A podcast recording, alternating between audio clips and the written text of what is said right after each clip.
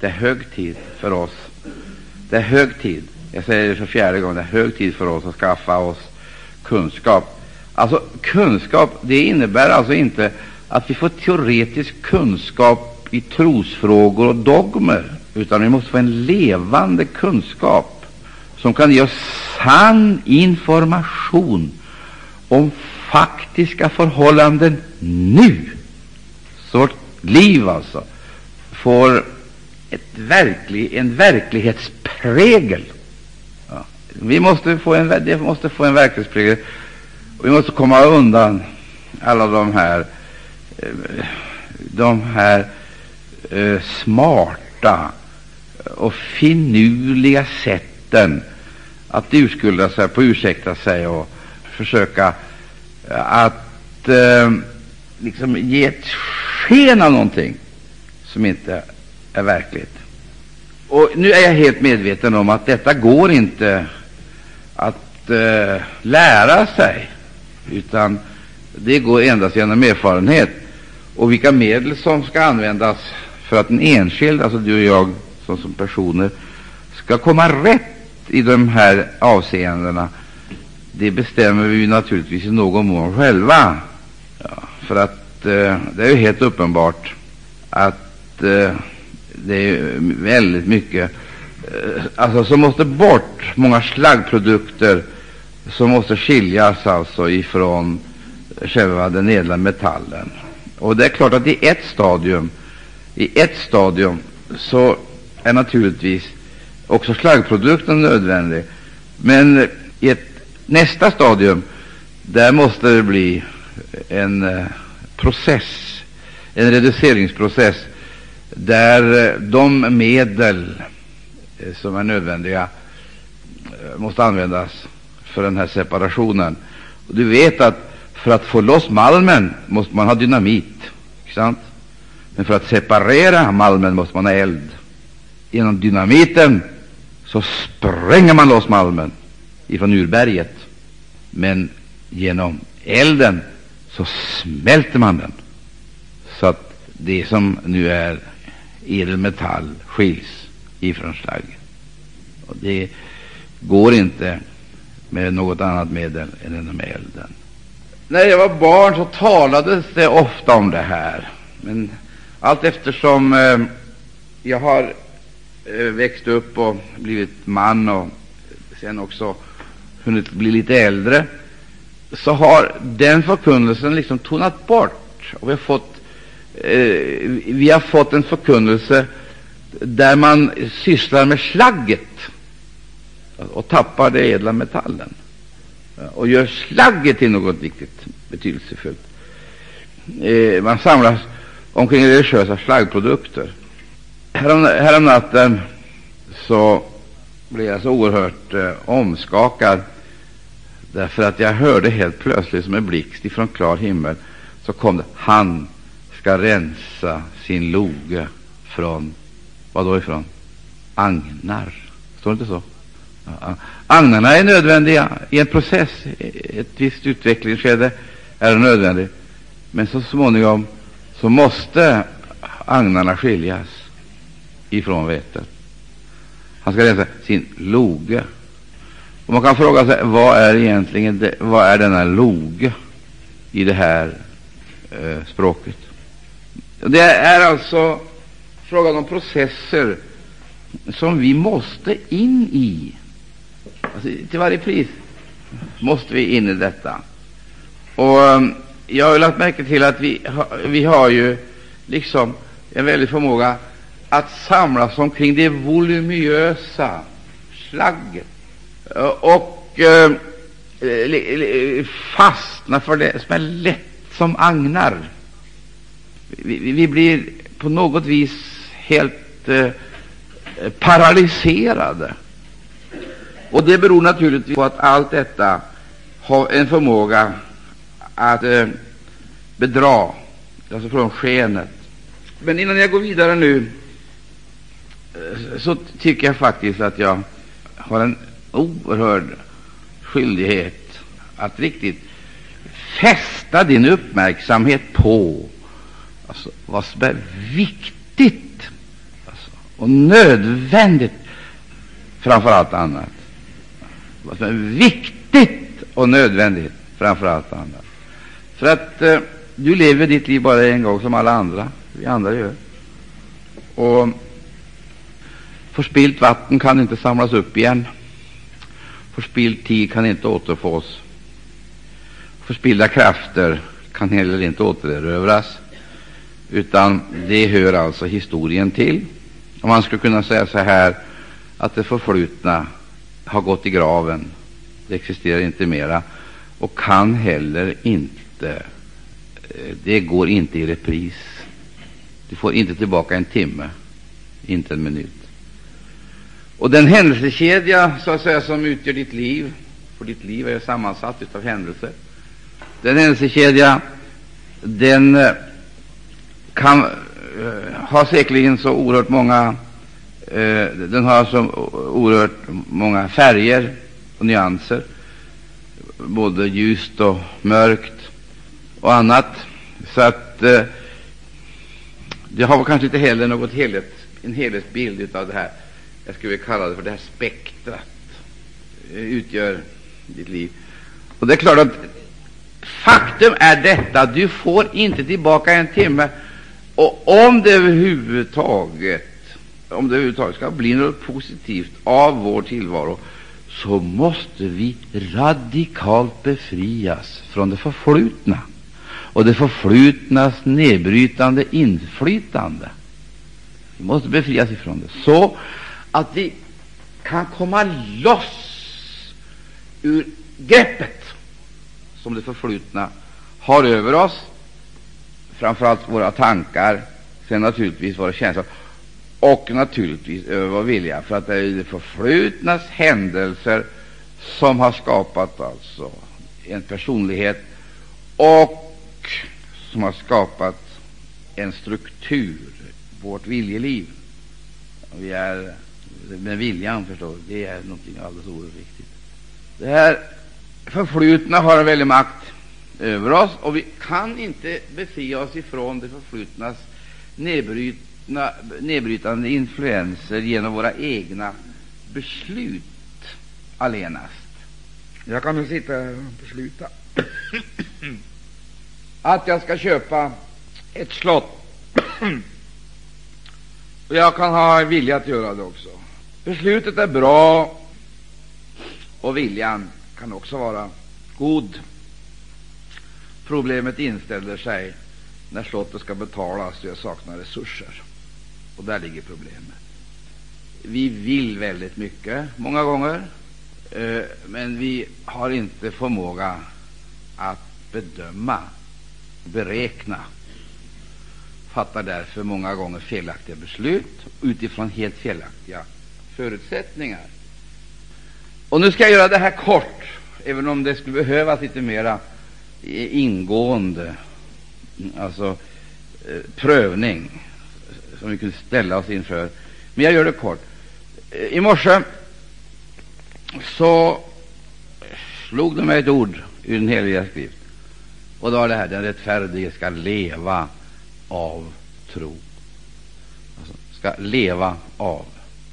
Det där uttrycket är egentligen oerhört intressant, för det säger så kolossalt mycket. Det står inte den rättfärdige ska ha tro, utan den rättfärdige ska leva av. Och där ställs vi genast inför eh, ett mycket viktigt ställningstagande. För att göra det helt kort så avslutar jag med en fråga. Frågan är: hur lever jag? Vad lever jag av? Och varför lever jag? För det första, hur lever jag? Vad lever jag av? Och varför lever jag? Nu säger skriften den rättfärdige ska leva av tro. Vad menar då Bibeln med den rättfärdige ska leva av tro?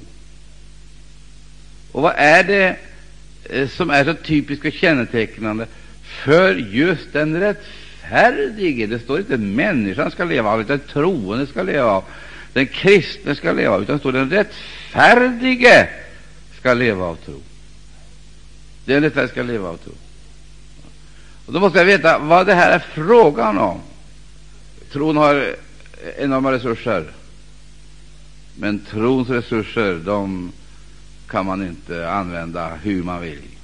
De måste sättas in i ett speciellt sammanhang. Det är inte, tron är inte var mans, och tron den är ingenting så att säga som kommer och går allt eftersom vi känner oss uppe eller nere. Tron det är ingen tillfällig händelse eller kick eller någonting. Tron det är för ett liv. Ett liv. Men det är inte vilket liv som helst, det är ett liv i rättfärdighet. Det är ett liv i rättfärdighet. Och vad är rättfärdighet? Och där har vi mycket att lära oss, kan jag försäkra. Som det är lite vanskligt att ta itu med, därför att eh, människor inte tycker om det här edla och förädlade, utan vill ha det syntetiska, det vill säga det konstlade, och onaturliga, och tar gärna slagget framför den ädla metallen och hänger sig åt agnarnas vilda rörelser mera än den mättar sig med det äkta vetet. Åh, Gud hjälp oss. Käre Herre Jesus Kristus, tack att du lever, och det är hoppet. Vi förväntar oss stora ting. Halleluja! Av dina ingripanden i smått och stort. Men nu måste jag säga det en sak. Du måste komma loss, förstår du, ifrån dig själv, från ditt sammanhang, från ditt förflutna, så att du blir fri i din ande. Du måste bli fri. Och den här eh, oerhörda upplevelsen, den är nödvändig. Annars så kommer du att bli, alltså, eh, du kommer att bli eh, handikappad, avtrubbad, och så småningom så är du helt enkelt oskadliggjord. Du är helt oskadliggjord då tillintetgjord av fienden. Gud vill göra oss alla till hela människor. Tror du det? Säg amen. Därigenom att han låter nåden fostra oss. Guds nåd, den vill fostra oss.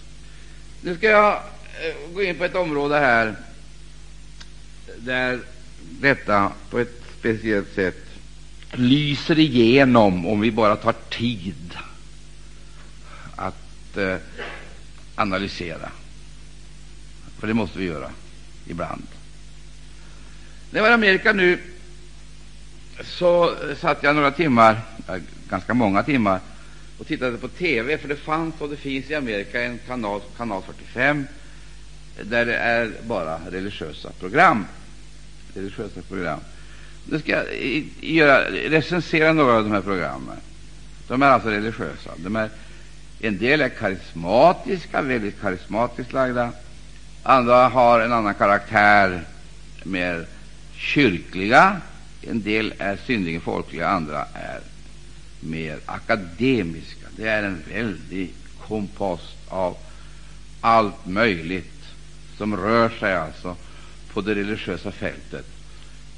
Och de har allesammans ett gemensamt. Allesammans, det är att de är up to date med avseende på teknik, med avseende på regi, med avseende på artister, med avseende på sångval, musik, ja, så är de helt moderna. Alltså, det finns ingenting som fattas.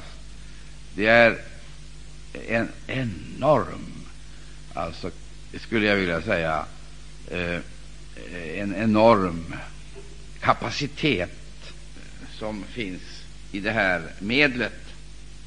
Och det utnyttjas dygnet runt. Eh, och då skulle man kunna tänka sig, vilken chans, vilken tillfälle, vilken chans, vilken tillfälle. Att vilken minut, vilken timme, när helst på dygnet så kan man se ett religiöst program. Och det märkliga är att ju flera program du ser, ju mer förvirrad blir du. Och ju fler program du ser, ju mer beklämd blir du. Det är helt otroligt. Jag ska ta några stycken, eh, därför att det, det, här, förstår ni, är någonting som människor inte tänker, inte tänker på. Därför att samtliga program, hur olika det var i övrigt, så använde de namnet Jesus i tid och otid och åstadkom alltså på det viset vissa effekter. Namnet Jesus det förekom i olika sammanhang med olika tillägg, om, möjligen eh, med, med, med, olika tonlägen och så vidare. Men hela tiden, från början till slut, från början till slut var det namnet Jesus det handlade om. Namnet Jesus. Och det är klart att när man hör människor eh, talar och sjunger, ibland mycket hänfört och entusiastiskt, om namnet Jesus, då vill man ja, liksom vara med och lyfta lite och engagera sig. Men till sist är det fullständigt omöjligt, för man vet egentligen inte vad man deltar i för någonting. Man vet inte, därför att eh, samtliga har alltså en Kristusbild, men Kristusbilden är så oerhört den är så oerhört olik. Den ena Kristusbilden är så oerhört olik den andra. Så det, det, är rent förfärligt. Helt förfärligt. Och jag vill att ni ska lyssna riktigt noga på det jag säger här nu, för det här är, en väldigt, det här är egentligen en hemlighet och det ligger något ödesdigert i det. Därför att, eh, ni förstår, de här programmen de har alla de kriterier som Bibeln säger att Kains religion har. Blommor, dofter, frisyrer. Ni skulle se frisyrerna. Färger, kläder, modernt, färggrant, smycken, ibland tingeltangel, men dock smycken, glitter. Det, det är helt skakande att se dessa enorma resurser som alltså uppenbarligen användes för att imponera och jag höll på att säga dupera och paralysera. Blommorna, kläderna.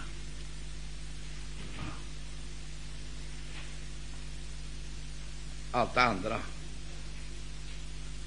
Och korset använt på de mest olika vis och det mest, de mest olika betydelser. Och duvan, den heliga Ande, i kombinationer alltså, som är helt upplösande. Därför att allt det där du ser, det sätter tankar i rörelse. Det är ju, man blir ju aktiverad. Om man har det minsta intresse av att följa med, så blir man ju aktiverad. Och man, man, man tvingas till ställningstaganden för eller emot. Och jag tror inte att det finns någon eh, i de där kretsarna som överhuvudtaget reflekterar över det de håller på med. Och att det här skulle vara Kains religion, det, det tror jag inte de har den minsta aning om. Och att det här har med Babylon att göra, det tror jag heller inte att de har den minsta tanke på. Alltså, att man med en enorm insats utvidgar ett babyloniskt världsvälde och befäster detta välde i människornas sinnen och gör dem allt mera okänsliga och otillgängliga för evangelium och Andens sanna uppenbarelse. Det är helt otroligt. Jag ska ta några exempel. Jag, jag tror att det är viktigt att vi har den här bakgrunden när vi nu ska läsa Bibeln. För att, det hjälper inte oss ett enda dugg om vi talar om förhållanden som rådde 1910 eller 1940, inte ens 1950 på 60-talet, utan vi måste se situationen som den är idag och rusta oss för att möta den situation som nu är för handen. Det vill säga, de krafter som idag tävlar om vår uppmärksamhet och vårt engagemang, det är de vi måste kunna ta ställning till. Därför att det räcker inte med en slags neutralitet eller ge sken av att vi representerar en neutral zon. Det gör vi definitivt inte. Skriften säger antingen är vi för eller så är vi emot. Det är Bibelns lära. Antingen så församlar vi eller så förskingrar vi. Och det är därför att det är så oändligt viktigt och betydelsefullt att vi vet vem vi tror på. Jag vet på vem jag tror. Så vi inte har skaffat oss alltså en egen frälsare, eh, konstruerat en egen frälsningslära anpassad till våra egna eh, drömmar eller föreställningar, utan att vi får personlig kontakt med eh, urkristendomens Jesus, apostlarnas Jesus, och sen håller fast vid det. Mm. Jag tar lite tid här och breder ut mig omkring de här aktuella händelserna. För att jag förstår att vi här i Sverige vi ligger några år efter utvecklingen. Amerika ligger framför. Och jag kan alltså nu se att det här kommer hit. Det är redan här i viss utsträckning. Jag har sett det här i Uppsala eh, konkretiserat. Jag var förskräckt när jag såg det där. Jag trodde inte att det var möjligt att eh, kristna som har lite kunskap om Herren Jesus Kristus och hemmastadda i Bibeln skulle kunna bejaka alla, allt det här tramset, allt det här gycklet. Jag kunde inte tänka mig det, men så är det tydligen. Och eh, jag tror att det som var, jag, jag såg på tv-skärmen nu i Amerika, det är här inom några år. Vi ser embryo till det, och så småningom kommer det här att växa fram, och vi kommer att se avarter och besynnerligheter, det ena värre än det andra. Och därför är det väldigt viktigt för oss nu att vi är nyktra, ståndaktiga och inte låter oss bortföras såsom segerbytten för alla dessa krafter och makter som nu trycker på och vill ha oss engagemang och som ger sig ut för att vara väckelse och andutgjutelse. Visst är det andutgjutelse, men det är verkligen inte den andutgjutelse som vi läser om i Apostlagärningarna 2, för den kom ifrån himlen och hade sina speciella kriterier. Och det var lågor, eldstungor, som satte sig på var och en av dem. Och det är något helt speciellt, alldeles speciellt. Eh, nu ska du få höra. Jag börjar i slutet, för det sista jag såg det var en ungdomsdemonstration eh, där man skulle manifestera tron på Gud och gå emot djävulen för att besegra honom. Och för att riktigt ordentligt illustrera den här kampen som också kristen ungdom har emot djävulen så hade man ett, en hel uppsättning eh, ut av eh, eh unga män i 20-25-årsåldern och kanske något lägre. Och det var sådana här med stora muskler.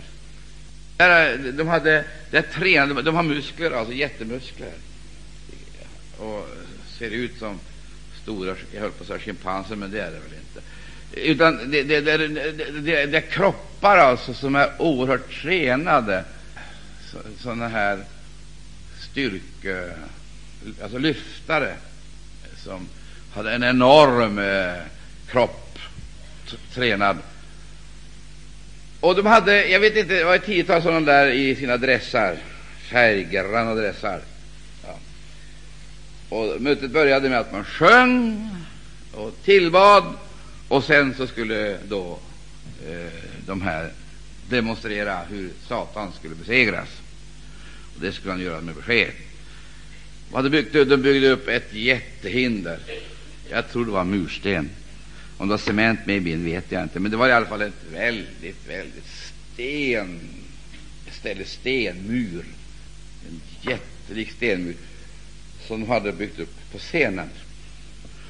Sen då så förklarade eh, mötesledaren att ett faktum är att det kan bli motstånd och hinder för varje kristen, och ungdomar får uppleva att det blir ett väldigt motstånd.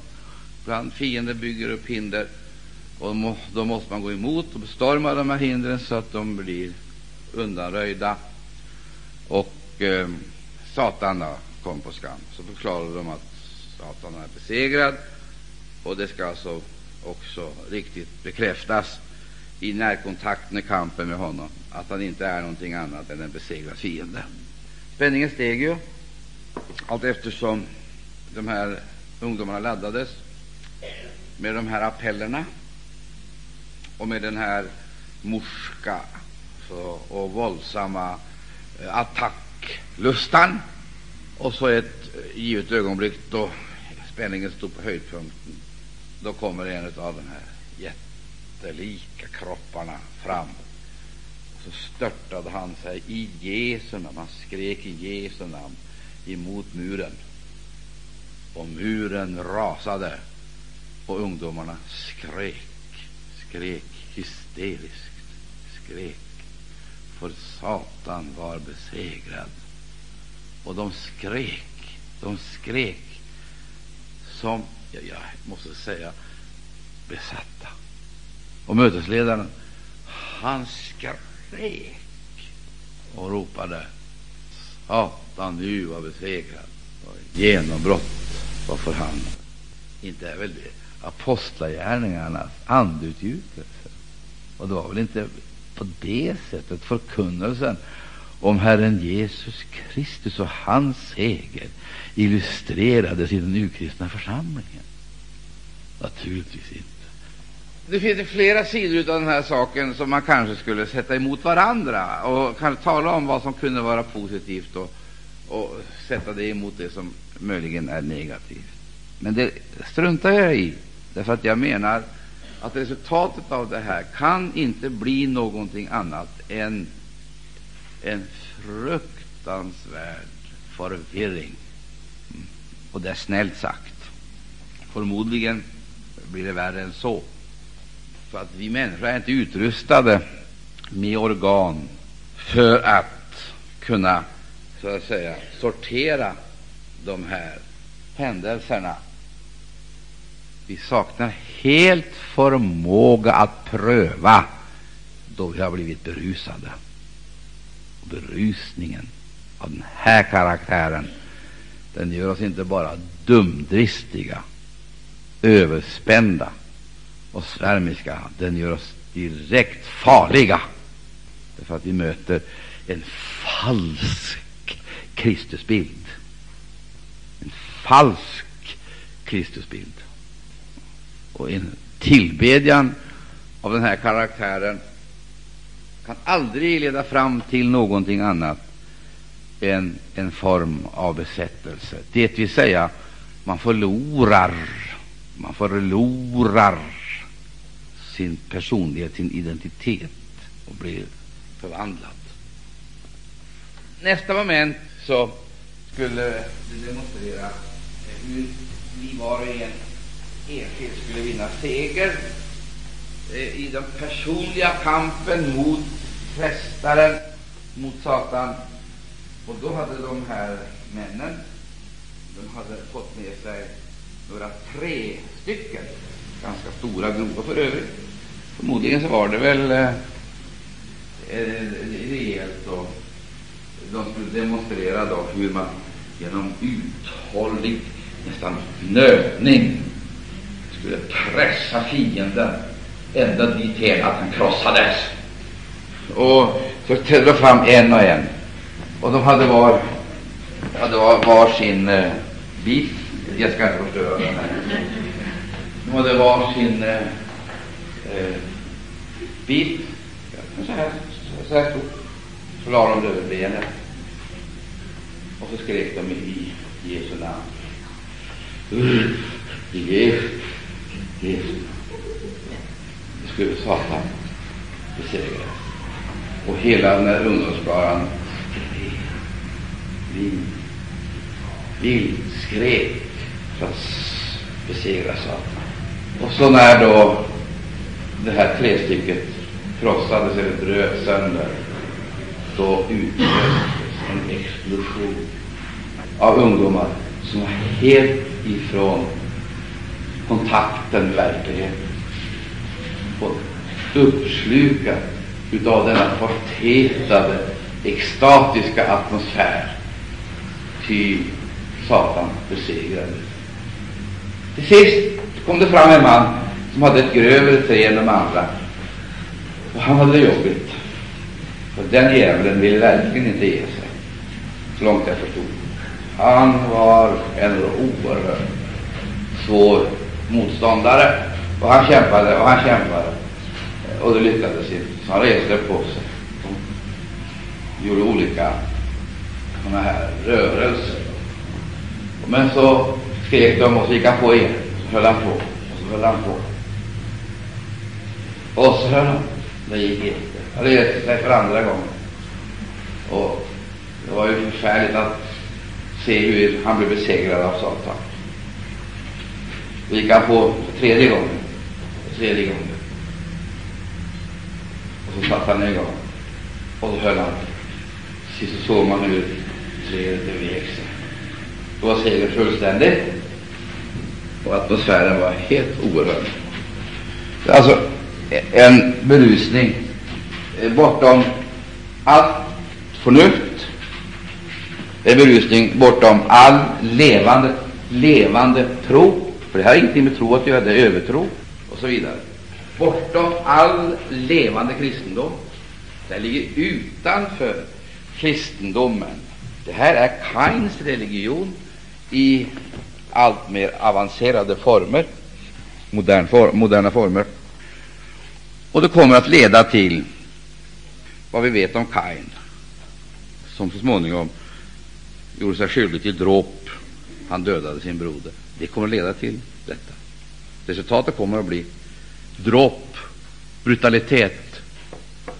Alltså man uppmuntrar nämligen det mest negativa hos människan och blåser upp detta och förklarar för henne att hon är Gud. Hon är Gud. Och hon behöver inte vika för någon. Hon behöver inte vika för Satan. Hon behöver inte vika för människor. Hon behöver inte vika. Hon ska bara gå rakt fram. Krossa allt motstånd, all fientlighet. Hon är själv Gud och behöver inte backa för någonting. Och för att legitimera det här så utförs allt detta i Jesu namn. Det är Jesu namn. Man använder alltså namnet Jesus. Och om man inte gjorde det så skulle inte människor lyssna på det. Men just detta ger legitimation. Man legitimerar det här, den här fräckheten, falskheten, eh, allt detta som vi ser nu också kommer in över vårt eget land via olika grupper eh, som är närbesläktade exempelvis med New Age-rörelsen och så vidare. Det, det, det, kommer in över vårt land, och det kommer in över vårt land på ett sådant sätt att människor som saknar andlig beredskap blir offer för det. Blir offer för denna förfärliga förvillelse. Mötet slutades då det var på höjdpunkten, och då avslutades det med oerhört salvelsefulla böner och eh, oerhörda appeller och attacker och med sång och musik som bara den var omtumlande. Kära ni, det här är alltså en bild ur dagens verklighet. Och det är detta som nu går fram som en prärieeld över hela Amerika.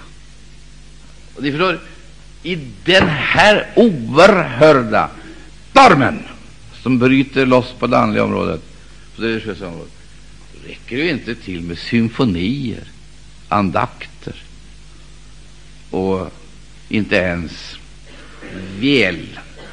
välordnade förmiddagsgudstjänster eller bibelstudier. Detta måste mötas med någonting helt annat. Och där är frågan den, har vi de vapnen för att kunna avslöja och besegra det? Eller är vi helt enkelt är vi helt enkelt predestinerade, alltså förutbestämda för att bli ett offer för denna förfärliga andevärld som nu blir allt mer fri därför att människorna släpper sig till för den onda andevärlden. Det som tidigare, förstår du, skedde i små klubbar, i frimurarloger och i andra hemliga ordnar, som skedde i det fördolda, det bryter nu loss över hela världen, och det går som en oerhörd flod genom ungdomsskarorna som hänger sig åt detta eh, i tron att det är ett gudomligt svar på deras inneboende längtan och behov. Här gäller det för de heliga att äga förstånd. Kom ihåg det. Och förstånd i det här sammanhanget är någonting annat än vanligt bondförnuft. Ett förstånd som är upplyst av ordet.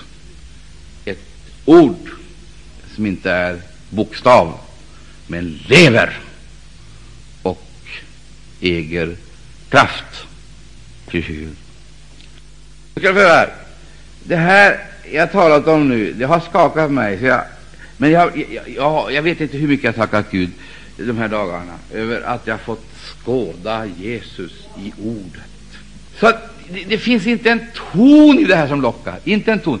Jag längtar inte efter någonting av det här. Jag kan inte tänka mig att falla in i den lovsångskören.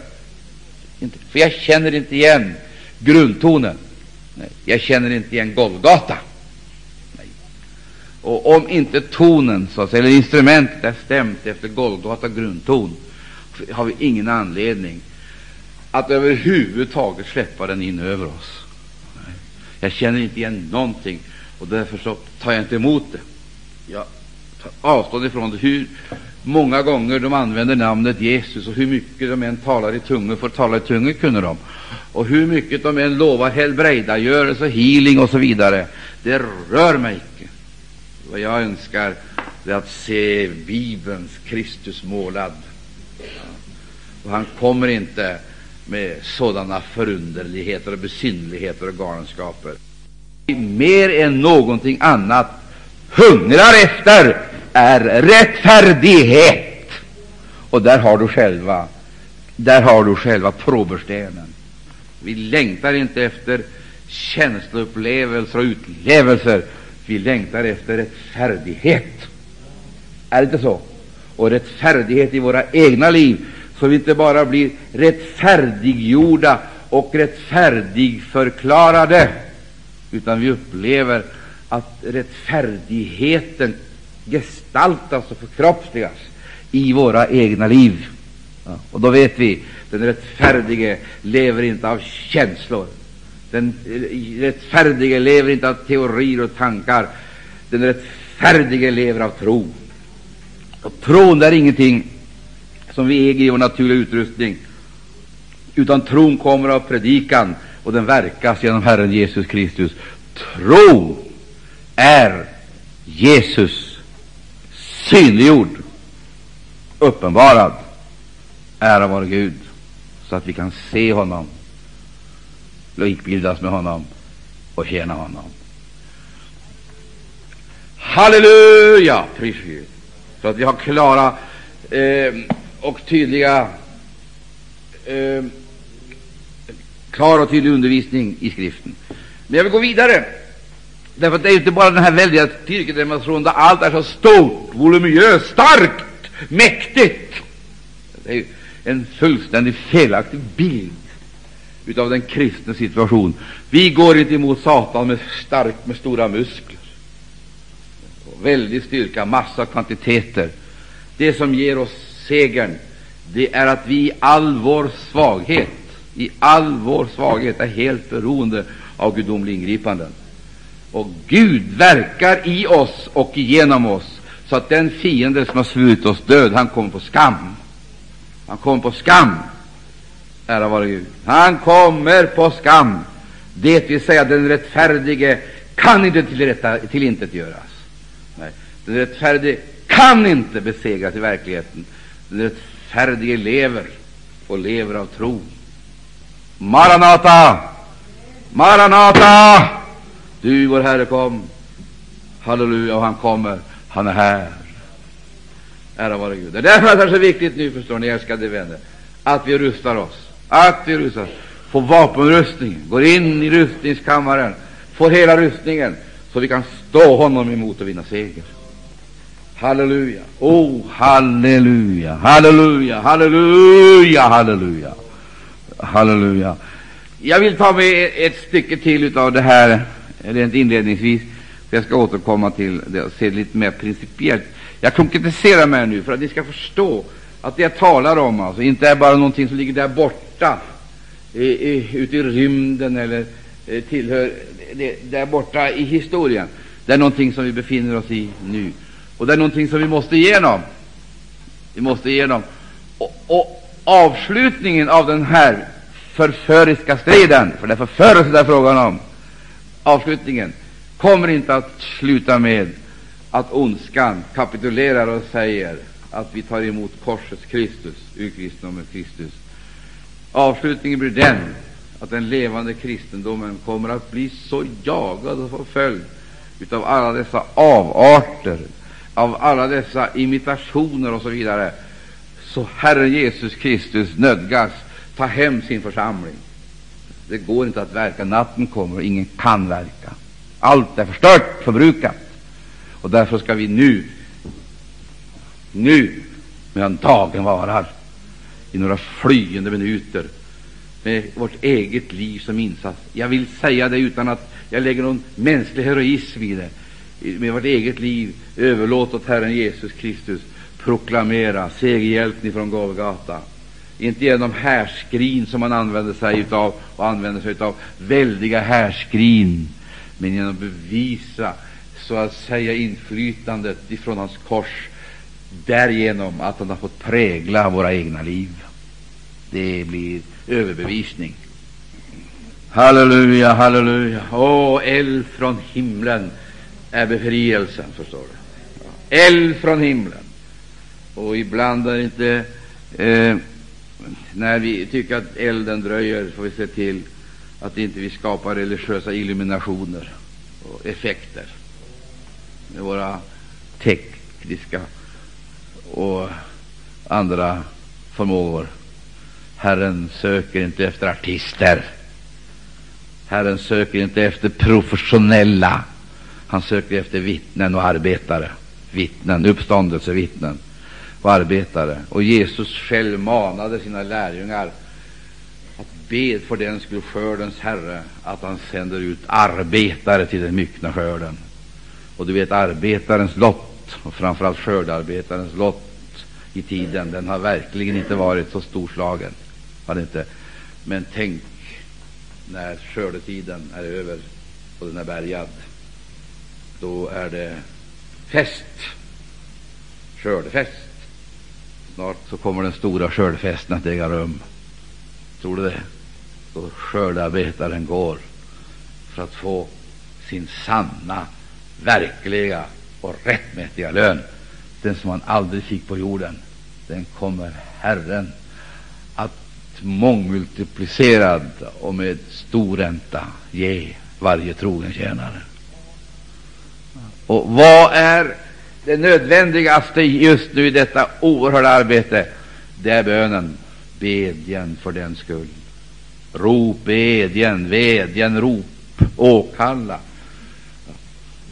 Skördens Herre, att han sänder ut arbetare, arbet som tillbringar sin tid på skördefälten och tar sitt redskap, sin redskap sitt redskap, sitt verktyg och bärga skörden innan fienden tar den. Jag sitter här nästan alltså på en tröskel mellan två tidsåldrar. Å ena sidan så är jag här tillsammans med, men i min ande så är jag där borta. Och då ser jag att om vi tillsammans går in, in under Jesu undervisning, underordnar oss den, engagerar oss och koncentrerar oss, utan att splittra våra intressen omkring våra egna behov, för de kommer Herren att tillgodose. Våra egna behov och vår, vår, vår egen framtid, utan går in skörden. Vi vet ju vad den har kostat Herren Jesus Kristus. Vi vet vad den har kostat Herrens tjänare genom historien. Vi vet vad den kommer att kosta sista tidens kristna, då de ska få ge sitt liv och brytas ner, hör du, kanske ja, ja, slita ut sig, slita ut sig, utan att spara sig från bergaskörden. Bedja, vi går gråtande och bär, kommer tillbaka, glädjestrålande. Det finns så mycket i det här som jag inte kan beskriva, men ni förnimmer när jag talar att det här är verklighet. Det här är inget prat. Det här är ingen eh, konstlad lyxtillvaro. Det här är ett normalt liv för en kristen. Ett liv som Herren vill leda oss in i, så vi blir utrustade med dessa hemliga vapen som den kristna församlingen har haft till förfogande under hela sin historia, men som den nu och då har så att säga tappat, förlorat på grund av förvärldsligande. Du har inte tid med någonting annat än just detta. Allting annat måste koncentreras omkring detta. Be dig för den skull, skördens Herre, att han sänder ut arbetare till en myckna skörd. Vad ber du om? Vad är det du arbetar för? Vad är det du tänker på? Vad är det du längtar efter? Vad är det du åstundar? Svara in, ärligt på de frågorna. Är du splittrad? Är du kluven? Har du en delad håg? Är det här någonting som du har intresse för men inte vill överlämna dig åt? Så lever du ett farligt liv. Du lever ett mellantillstånd. Mycket farligt liv. Och rätt vad där så kommer det ting, så kommer det händelser som kommer att sluka dig. Du blir en fånge i tiden utan möjligheter att kunna uträtta någonting annat än det onda makten driver dig till. Det som kallas för tidsandan. Herre, låt den heliga Ande åh, göra det här klart för oss, levande för oss, verkligt för oss. Åh, Herre Jesus, låt den här, det här dopet i eld som du talade om ska döpa eder i den heliga Ande och eld. Detta eldsdop, detta reduceringsdop, detta föredlingsdop, detta helgelsedop. Gode Gud, få utföra sin mäktiga mission, så vi upphör att leva för oss själva, oss själva till behag, utan vi börjar leva helt för dig och din räkning. Åh, halleluja! Jag känner hela min inre värld, den ropar på samma gång som den tackar och lovar Gud, för jag vet att Gud ska svara. Han är trofast. Tror du det, så säger amen. Han ska svara på våra böner. Han ska sända ut arbetare till den myckna skörden, och han kommer att ta dem i speci under specialbehandling och intensivutbildning. Jag är övertygad om det. För att, berg, för att skörden ska bärgas. Vill du vara med? Var ska vi börja? Bedjen.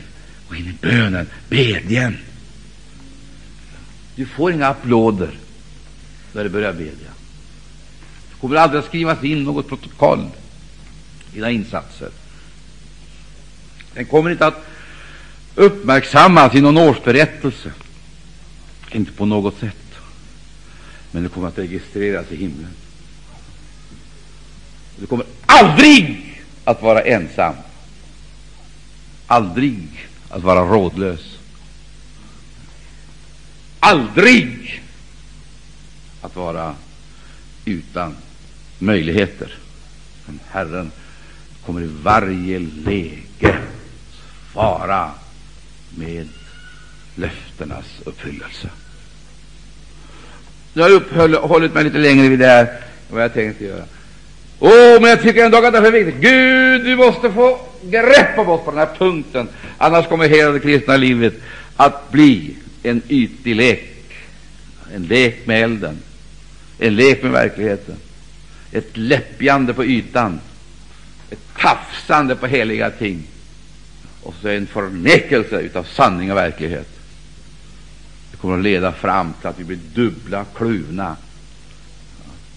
Men Herren han vill fullborda sitt verk i allas våra liv. Tror du det? Säger amen. Tror du det? Säger amen. Har du förtroende för Jesus? Det är just vad han vill göra.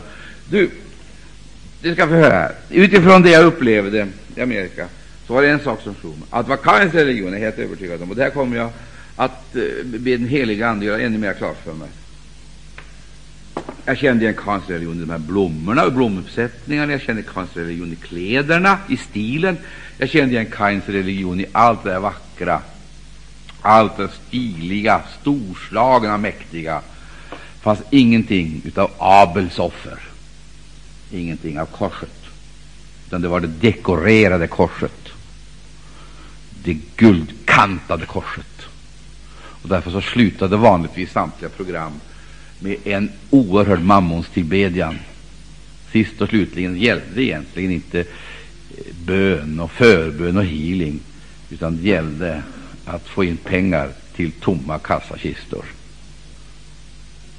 Oh, vad jag är glad för att jag slipper att spela religiös teater, för att få människorna att ge åt verksamheten pengar hus, materiella ägodelar. Oh, vad jag är glad för att jag försöker, inte behöver sitta och gråta krokodiltårar för att klämma fram några dollar eller kronor ur feta eller ja, mäktiga män och kvinnors plånböcker och väskor. Åh, oh, vad jag är glad att vi får tro på Gud. Åh, oh, vad jag är glad att jag tillsammans med de heliga får dela vårt armod, praktisera Jesu Kristi bergspredikan så att en utjämning kommer till stånd. Det är Guds rike. Halleluja, där gemenskapen har fått den sanna dimensionen. Maranata! Herre Gud, O, oh, vad jag är glad att Gud är mäktig. Till han som begynte verket, han ska fullborda det, slutföra det, ja, fullkomliggöra det. Den församling som han har tagit ut ska snart stå där hemma på Sions stränder utan fläck och utan skrynka, moraliskt ren, oförgänglig som Jesu Kristi brud. Älskar du Jesus, människa? Är han värd offret, priset? Är han värd det? Är han värd ditt hjärta, ditt intellekt? Är han värd dina tårar, dina känslor? Är han värd din tacksägelse, din lott? Visst är han väl det. Han är värd allt. Han är värd allt. Och låt honom genom den heliga Ande få röra vid de innersta strängarna i vårt väsen röra vid de innersta strängarna i vårt väsen, och skulle de ha rostat till, låt dem få rena dem, och skulle de ha blivit falska, stämma dem på nytt, så vi kan sjunga och spela till Herrens ära i våra hjärtan. Låt inte Satan lura dig.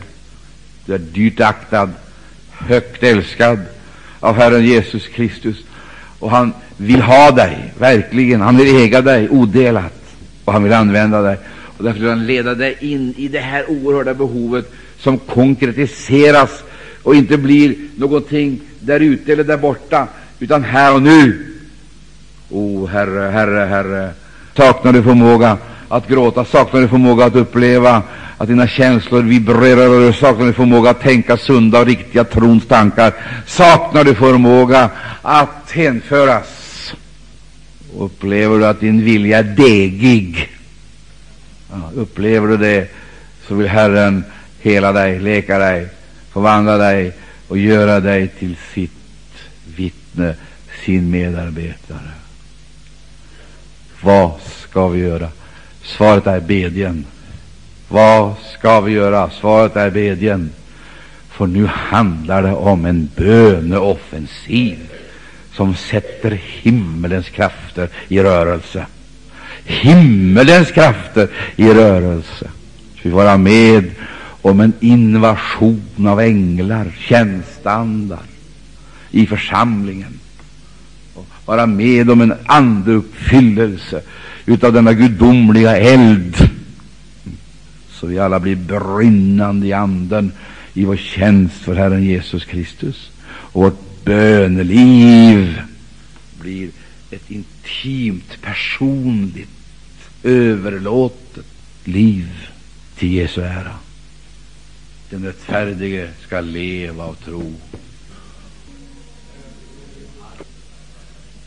O Gud, Fader, vi lovar dig för Jesus.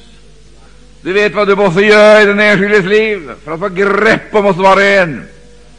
Du vet vad vi måste bli av med, den belastning som vi har, det förflutna som, för, som binder oss och hindrar oss.